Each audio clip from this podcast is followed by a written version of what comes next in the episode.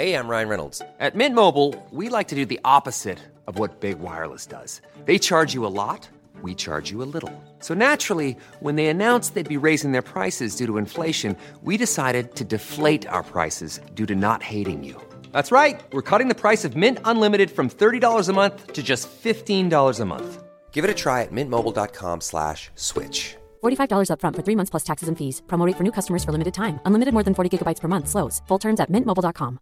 Cool fact a crocodile can't stick out its tongue. Also, you can get health insurance for a month or just under a year in some states. United Healthcare short term insurance plans, underwritten by Golden Rule Insurance Company, offer flexible, budget friendly coverage for you. Learn more at uh1.com. When you're ready to pop the question, the last thing you want to do is second guess the ring. At Bluenile.com, you can design a one of a kind ring with the ease and convenience of shopping online. Choose your diamond and setting. When you find the one, you'll get it delivered right to your door. Go to Bluenile.com and use promo code LISTEN to get $50 off your purchase of $500 or more. That's code LISTEN at Bluenile.com for $50 off your purchase. Bluenile.com code LISTEN.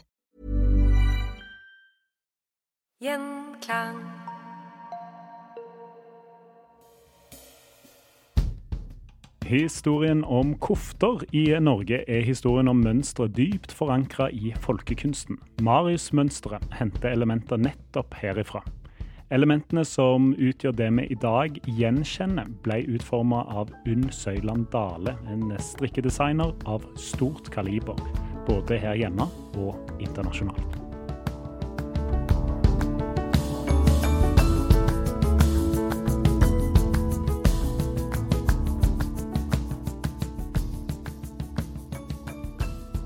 Velkommen til Historie som endret eh, Norge.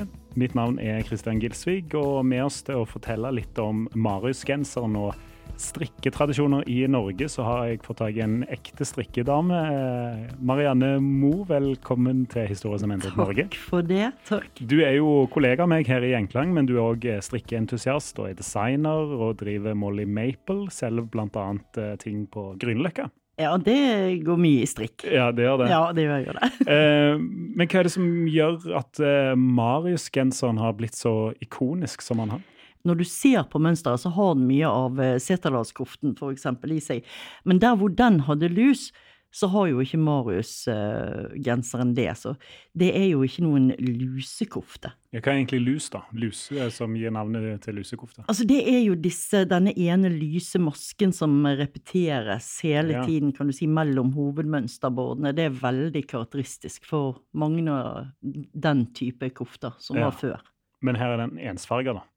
Eh, Store deler er ensfarget, så den er jo egentlig litt lettere å, å strikke sånn sett. Men når det fantes flere strikkegensere og lignende mønstre som vi kan se igjen i, i Marius-mønsteret, hvorfor, hvorfor blir dette en hit? Hvorfor uh, vier vi en hel episode i en historiepodkast om Marius-genseren?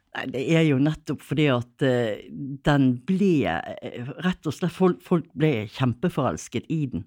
En av de tingene som gjorde at han slo så godt an, det er jo blant annet fargevalget. fordi at i disse tradisjonelle Seterdalskoftene og sånn, det man lagde før, da tok man gjerne utgangspunkt i sin naturlige farge. Så da gikk det jo veldig mye i svart og grått og brunt og hvitt. Og så kommer da Marius-genseren, ikke sant, inn med innfarget garn og klare, flotte farger i flaggets farger, som da ble lansert? Så det var jo en, en genistrek. Vi kan jo ta og si det at fargevalget var jo én ting, og mens disse tradisjonelle genserne som vi kjente fra før, eh, også hadde mønster over det hele, så hadde da Marius-genseren konsentrert mønsteret oppe. Så det var jo også en genser som var enklere å, å strikke, da. Ja. Og krevde litt mindre eh, arbeid. Jeg tror jo at mye av eh, appell ved Marius-genseren ligger nettopp her, altså i den geniale kombinasjonen, vil jeg vel si, da, av mønstermengde og mønsterborder, og at man da eh, får denne assosiasjonen til disse gamle seterdalskoftene og fargene fra eh, det norske flagget. For selv om Marius-genseren i 1953 var en nydesignet genser, så hadde den jo i seg alle disse her elementene som på en måte representerte alt det gode og norske. Og, norske. ja, ja. ikke sant? Ja. Så det ble jo en klassiker, rett og slett. Mm. 70 år etter så sitter jo vi og tenker, når vi ser en Marius-genser på Kvikk Lunsj og kakao i koppen og Ja, Ja. Altså, men det er jo, nå, er det jo, nå er det jo påske, og vi forbinder jo dette mønsteret kanskje litt med påske, og, og det er jo en skigenser. Ja, absolutt. Og det er jo eh, kanskje heller ikke så rart når det gjelder Marius-genseren, at den ble jo lansert på en litt utradisjonell måte i sin tid. Den ble jo eh, laget til en helt storslått eh, romantisk filmkomedie som het eh, Troll i jord. Den kom i 1954. Ja. Og altså, på den tiden så snakker du A-kjendiser. Her var det virkelig eh, alt som kunne krype og gå, og der foregikk jo handlingen faktisk også rundt påsketider. Jeg tror det var sånn 14 dager før påske eller noe sånt. ja. Så det, det, det blir jo knyttet til påske allerede der. Men, men hvordan havna han da på filmlerretet? Var det en bevisst strategi, eller? Nei, altså Hun var jo, eh, Unn Søyland var jo allerede en etablert strikkedesigner, så hun hadde da fått i oppdrag å på en måte designe og håndstrikke alt som eh, var da av viktige karakterer i denne filmen. De skulle da utstyres med egne gensere, og blant annet der eh, så eh, var jo da Marius-genseren en av de som dukket opp. Og dette var jo da i en film hvor man blant annet møtte Henki Kolstad, og en annen kjekkas på rollelisten var en ung alpinist som het Marius Eriksen. Ja, så alpinisten som altså, Da St. Moritz, stemmer det? Ja, OL St. Moritz? i 1948. Ja, det, Ja, og ikke bare det, altså han var jo også jagerflyger og krigshelt. ja. Eh, Så du kan jo tenke deg liksom hvilken effekt det fikk når eh, han fikk på seg den eh, genseren. Ja, og så nå skuespiller òg. På 50-tallet, det, det sier jo fort pang, da. Ja, ja, egentlig så spilte han nesten seg selv. Eh, For han, han spilte en skiinstruktør eh, for en eh, ung dansk dame, da. Eh, Og på den første strikkeoppskriften det, som ble gitt ut av Marius-mønsteret, så var det også han som eh, var eh, hyret inn som modell. Han fikk 300 Ja. kroner for den jobben. Um, så der sto han jo da, ikke sant, flott og pen og staut, filmstjerne og idrettsmann og krigshelt, da ikledd denne nydelige genseren med håndstrikket eh, norsk design. Og border som er tradisjonsrike, i flaggets farger. Altså, det, det gir jo seg sjøl. Ja, ja. Det ble jo en suksess. Filmen ble en suksess, ja. men hennes gensere fra den filmen, for hun lagde jo flere. Altså, da snakker jo du en gigantisk suksess. Ja, for de lever jo ennå eh, i større bevissthet enn Ja. en, en filmen. da. Men er dette, var det en døråpner òg for mange til å liksom drive med holdt på å si, produktplassering? da, litt i... Ja, det har jeg ikke tenkt på egentlig, men du kan jo si det, fordi at eh, altså, i dag er det jo nesten et eget yrke. Altså det å bare designe strikkeplagg for TV-serier og filmer. Hvis, vi, hvis vi går til vår egen tid, da, så har du eksempel hun karakteren eh, Sara Lund, hvis du husker hun fra serien Forbrytelsen. Mm. Hun ble jo veldig fort kjent for strikkegenserne, så der ble jo det lansert en serie. Og så kommer det nye sesonger, ikke sant? så kommer det nye gensere. Og den eh, krimgenseren den ble jo så populær etter første sesong at den ble kåret til eh, årets plagg i Danmark. Ja. Så ja, nei, og det er ikke bare der, altså. Vi kan jo gå til eh, vår egen eh, Krimgenser den var jo for all del også populære her i Norge, men til vårt eget barne-TV, for eksempel, julekalenderne. Du Ja, ja. husker jo Jul i Blåfjell, Ja, ikke sant? Så da, eh, så, og Julisvingen og Nei, så det, det kan godt hende. Jeg tror ikke det har vært noen før uh, Unn Søyland sin Marius-genser. Uh, men da, da var det i hvert fall startskuddet for det godt. Men, men, men litt nærmere i Unn Søyland, hvem var hun egentlig? Helt fantastisk dame. Altså, her snakker du en utrolig dame. Hun var kreativ, hun var driftig, hun var sta, hun var sterk. Eh, hun var absolutt ikke en av de damene som drev og tasset etter andre, for å si Nei. det sånn. Så For å ta det fra begynnelsen. Altså, hun ble jo født eh, 13. april 1926 i eh, Haugesund. Mm. Og ble veldig tidlig interessert i strikking. For historien forteller jo det at eh, når hun var liten, så satt hun ofte på fanget til eh, oldefaren sin, eh, Ketil Søyland, og fulgte med når han strikket. For han strikket, og det var det faktisk en god del menn som eh, gjorde på den tiden. Han var eh, politimann i Haugesund, og på begynnelsen av 1900-tallet så var det mange menn som strikket sine egne strømper, for eksempel. Og der sitter jo da hun på fanget og ser på disse trådene og, og bestemmer seg for det at dette her ser så gøy ut, jeg har lyst til å lære meg å strikke selv, og det gjorde hun. Så hun eh, har jo en, en, den eldste datteren hennes, da, Vigdis Yran Dale, hun eh, forteller jo at når hun vokste opp, så hadde jo moren strikketøy, og det var fargeblyanter og rutepapir og alt sånt overalt. Mm. For det var liksom det hun var opptatt av. Hun strikket hele tiden. Hvis hun ikke satt i et møte, så strikket hun til og med i bil, altså. Sånn, mens, hun, mens hun satt og ventet på at det røde lyset skulle bli grønt, så måtte hun få inn noen masker. Så det var alltid noe på gang. Det kommer jo en krig òg inn i hennes liv.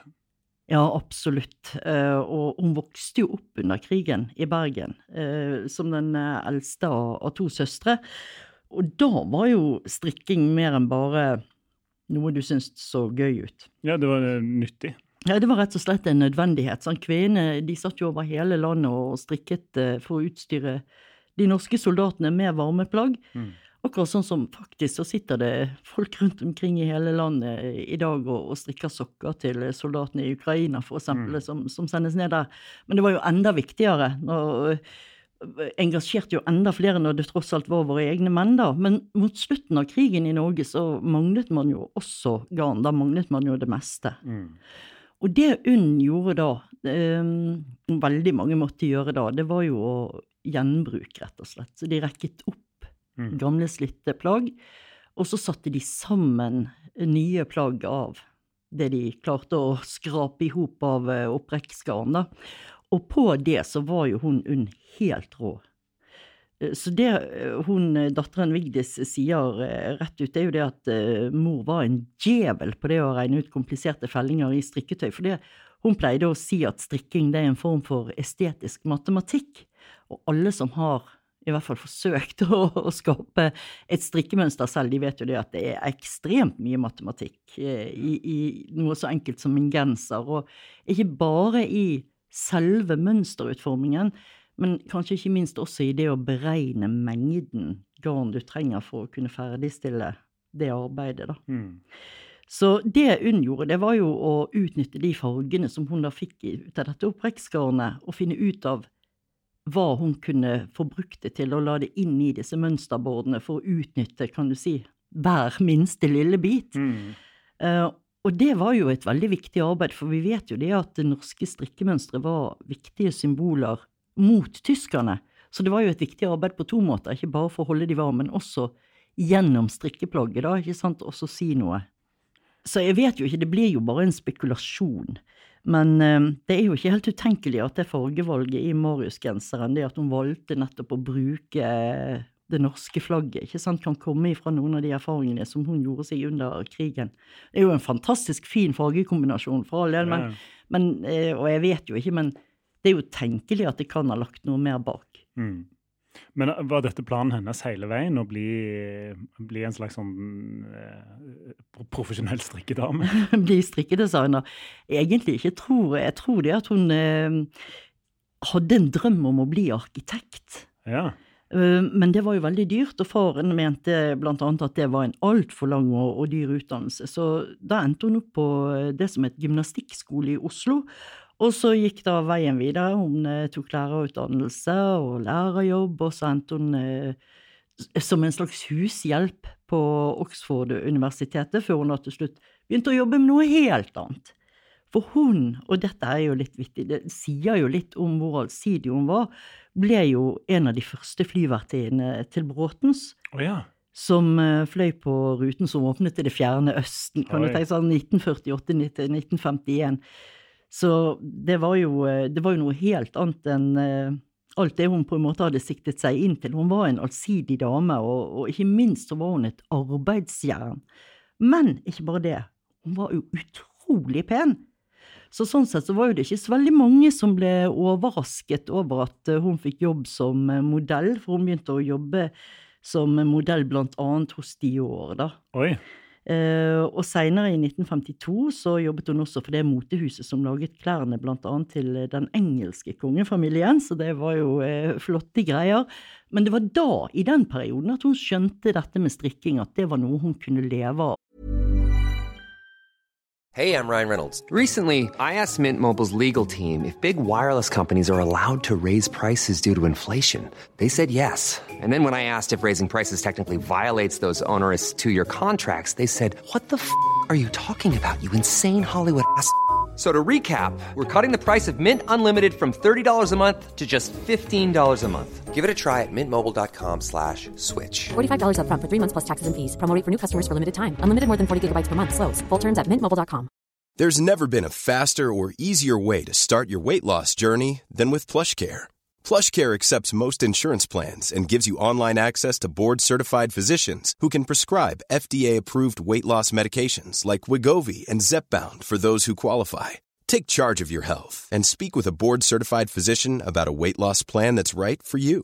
Get started today at plushcare.com slash weight loss. That's plushcare.com slash weight loss. plushcare.com slash weight loss. Hey, I'm Ryan Reynolds. Recently, I asked Mint Mobile's legal team if big wireless companies are allowed to raise prices due to inflation. They said yes. And then when I asked if raising prices technically violates those onerous two year contracts, they said, What the f are you talking about, you insane Hollywood ass? F- So to recap, we're cutting the price of Mint Unlimited from $30 a month to just $15 a month. Give it a try at mintmobile.com slash switch. $45 upfront for three months plus taxes and fees. Promo rate for new customers for limited time. Unlimited more than 40 gigabytes per month. Slows. Full terms at mintmobile.com. Fordi at det er jo ofte lange pauser når man går sånn moteshow og sånn. Ja, det vet jeg ikke så mye om, men jeg kan se det for meg. ja, det, det er det. Altså, man, Ja. det. Det blir litt venting og sånn. Og det andre gjorde, det var jo gjerne å lakke negl eller stæsje Ja, ja, hår eller fikse litt på makeupen. Men Unn, hun strikket. Så da, da utnyttet jo hun tiden hele tiden til å eh, strikke, og de plaggene som hun da lagde, eh, de solgte hun videre til eh, venner og kjente og sånn. Men, men det var jo her hun da ble oppdaget av disse store moteskaperne, som så disse fantastiske kreasjonene som hun satt og eh, lagde da i eh, pausene sine. Så hun fikk eh, tilbud om å levere, jeg tror det var flere hundre strikkegensere Ja. som da skulle distribueres til motebutikker i, eh, i London. Og det skjønner jo alle som har strikket en genser, at det er ikke noe én person kan klare. Det er, det er mye arbeid som ligger bak en håndlaget genser. Så da sa hun rett og slett opp den modelljobben, og så dro hun hjem til Norge, og så begynte hun å kartlegge og kontakte strikkere. Og da fikk vi, eh, kan du si, den spede begynnelse på det som skulle bli hennes firma Lillund Sport AS. Ja. Hva ligger i navnet? Lillund? Ja, nei, det er jo sånn litt sånn kjært barn har mange navn, for hun ble jo kalt eh, Lille Unn eller oh, ja, Lille Unn, oh, ja. for hun het jo Unn, ikke sant? Så det, det var rett og slett et kosenavn. Men eh, det som, er, det som er litt fint, og som slår meg, er jo at hun har jo da hatt noen karrierer her i en tid hvor eh, eh, kvinner eh, egentlig helst skal være liksom hjemmeværende, og at det i hvert fall er, er normen. Og her går hun i gang da og starter sin Mm. egen bedrift. Helt klart. Altså, hun var en foregangskvinne, og ikke minst så var hun også en veldig dyktig forretningskvinne. For hun så jo noe som andre ikke hadde oppdaget, det at norsk håndstrikk var unikt, og at det hadde internasjonal og universell appell, for å si det sånn. Altså, Mm. hun, hun hadde jo gjennom disse modelljobbene oppdaget det at dette var det faktisk interesse for.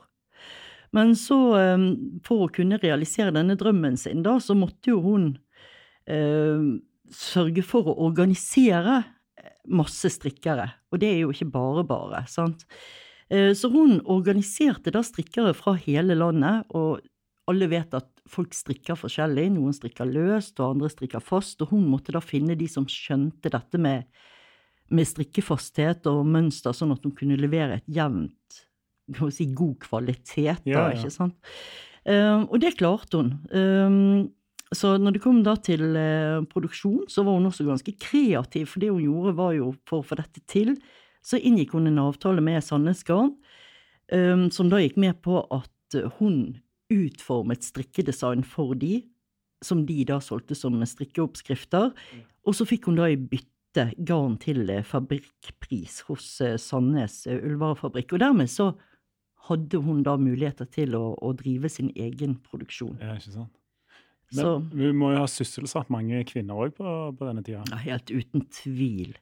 Og det var jo en eh, god mulighet for mange kvinner, for det, dette var jo kvinner som satt hjemme og strikket for hun når de hadde ledige stunder, ikke sant, Mm. innimellom sitt.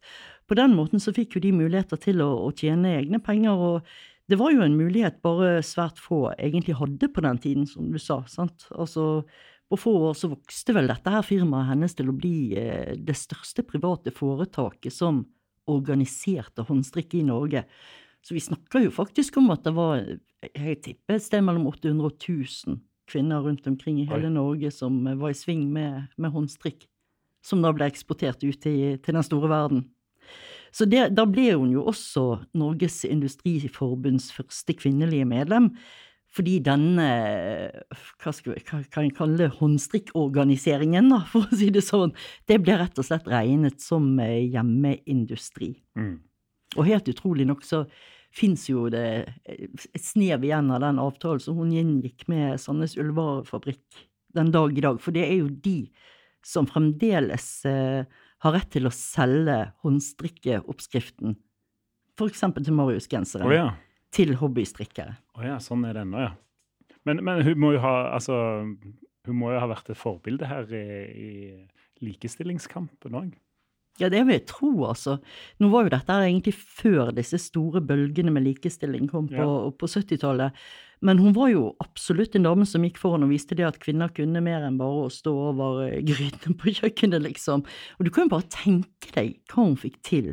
Marius-genseren er jo egentlig bare en liten del av hele den pakken som hun, hun klarte. Altså hun var jo den damen som klarte å gjøre norske gensere til stor mote, også i utlandet, og dette var jo lenge før eksempel Per Spook hos eh, Per Spook-genseren.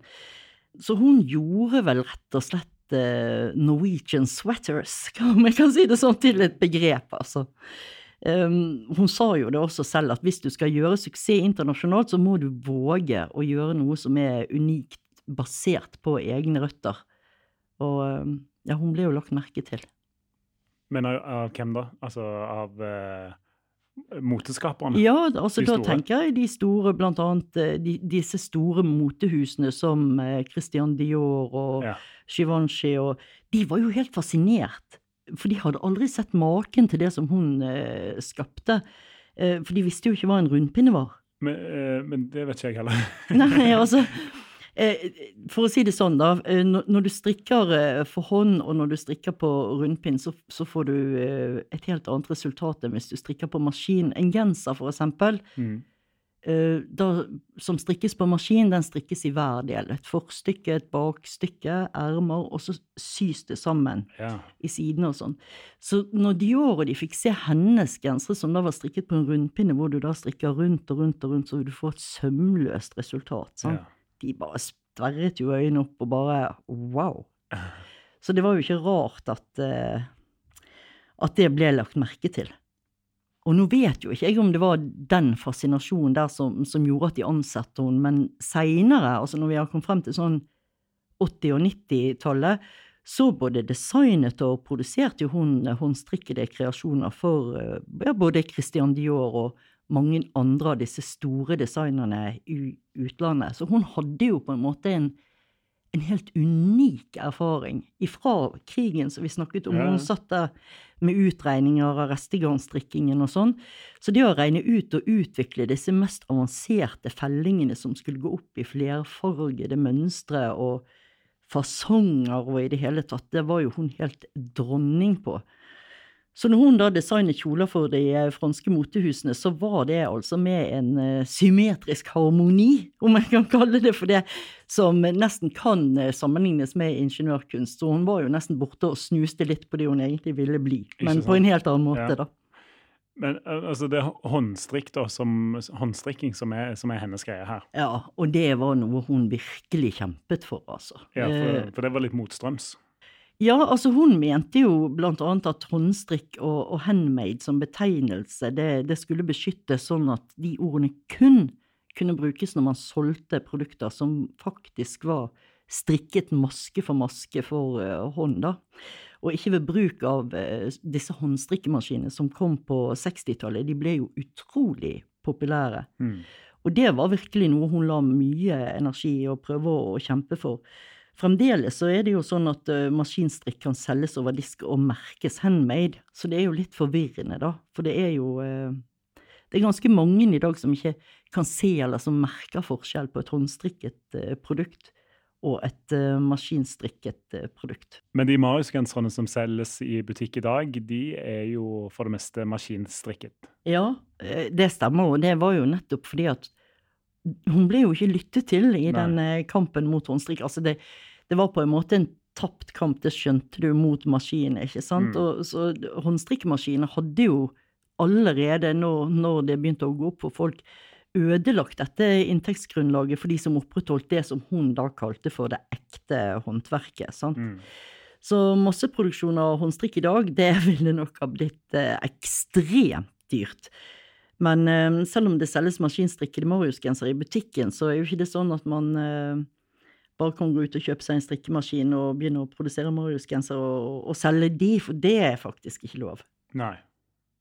Men det som er med dette mønsteret, det kan vi jo se på andre ting enn bare strikka plagg òg i dag. Eh, Marius-genser har jo fått en Eller Marius-mønsteret har jo fått en, en helt unik posisjon. Ja, ja, det er kjempetrendy, vet du. Sånn. Så det, og det holder seg, det er jo det som er så gøy. Sant? Det holder seg år etter år etter år, så dukker det opp nye ting. Så det fins jo på alt mulig fra sengetøy til grytekluter og kaffekopper og matbokser og termoser. Altså det er you name it.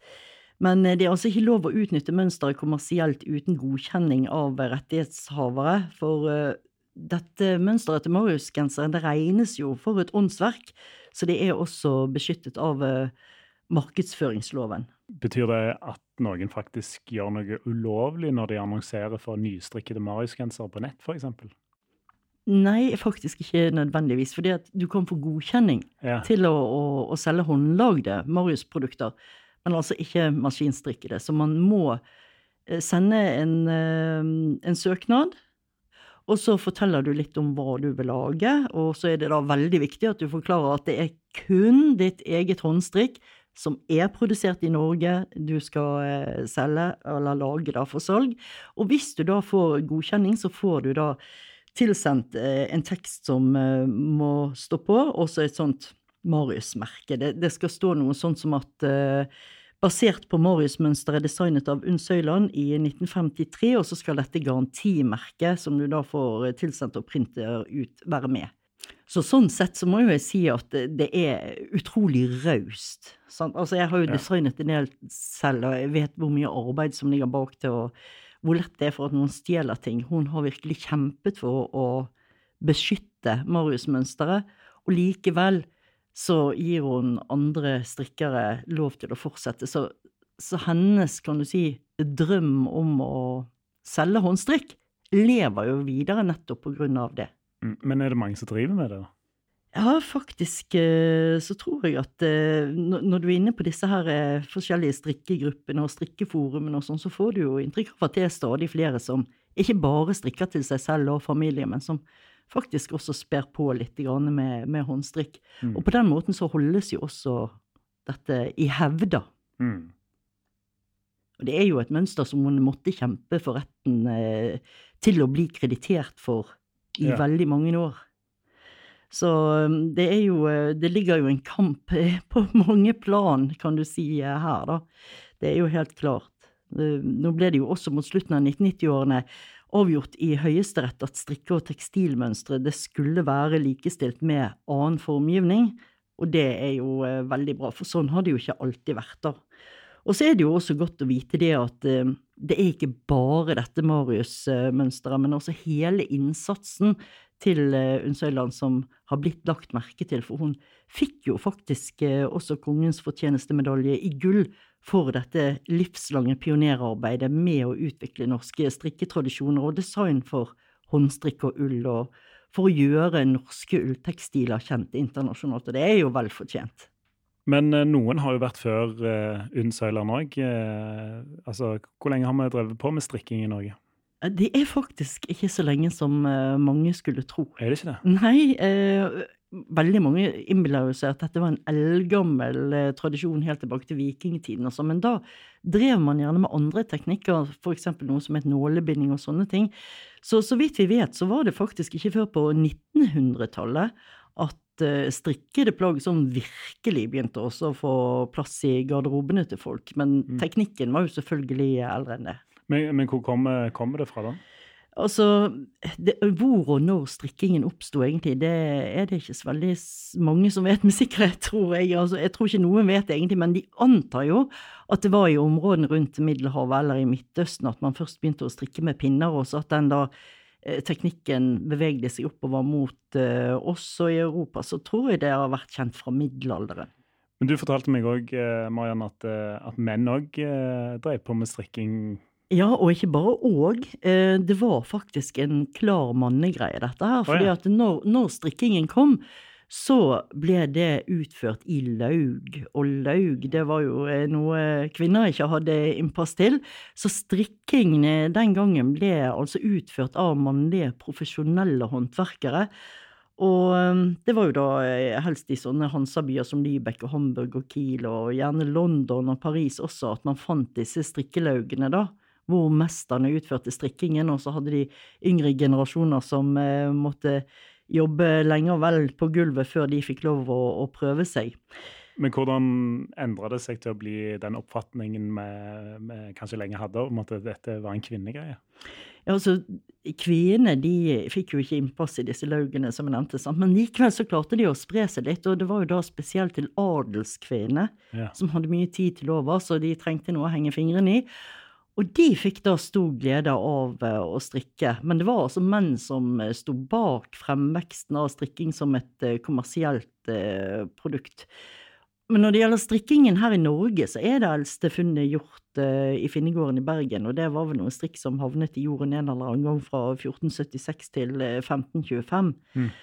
Og det som var litt spesielt, det er vel kanskje naturlig at, at strikkingen kom til Bergen først, for det var jo en Hansastad. Så disse mennene fra laugene har da tatt med seg teknikken, og så har det da blitt plukket opp og blitt spredd videre utover i landet. Men, og det er faktisk litt viktig, her i Norge var det ikke eh, adelskvinner som strikket. Her var det fattigvesenet som eh, sørget for å, å spre strikkingen ut uh, til det hele folket, holdt jeg på å si. Fordi at de skulle jo uh, få vanskeligstilte til å brødfø seg selv. Og da fant de ut at strikking det var jo en grei metode. Så de fattige strikket, og så ble varene solgt. Men hvor utbredt det har vært, det er jo eh, vanskelig eh, å si. Det er én historie fra Bergen der eh, en Lisbeth Persdatter i eh, 1634 ble anklaget for trolldom. Og det som var litt spesielt, var det at hun var da i tjeneste hos en dame som het Karen Eriksdatter, som var anklaget for tyveri. Og de var da begge omtalt som omstreifere, ikke sant, og en av Lisbeth sine oppgaver det var å strikke strømper for Karen som hun da solgte. Så det er liksom den eldste beretningen om strikk i Norge. Men det var altså så seint som eh, fra 1800-tallet og fremover at disse mest kjente strikkemønstrene våre begynte å ta form, de som igjen da inspirerte Unn Søyland når hun designet Marius-genseren. Ja. Har Marius-genseren endra Norge? Ja, det vil jeg si. Eh, Den har i hvert fall bidratt sterkt når det kommer til strikking, da, fordi at eh, det, det var jo, den var jo definitivt med på dette her å sette begrepet Norwegian sweaters, ikke sant? Altså, det fins jo tusenvis av det rundt omkring i, i hele verden, og, og når man ser en sånn rød, hvit og blå Marius-genser, om det er i London eller Paris eller hvor som helst, så er det jo på en måte en måte å sette Norge på, på kartet på. Ja, og det bygger, bygger en nasjonalfølelse i den norske fjellheimen nå i, nå i påsken. Absolutt. Marianne Moe, takk for at du tok deg tid til historier som endret Norge i dag.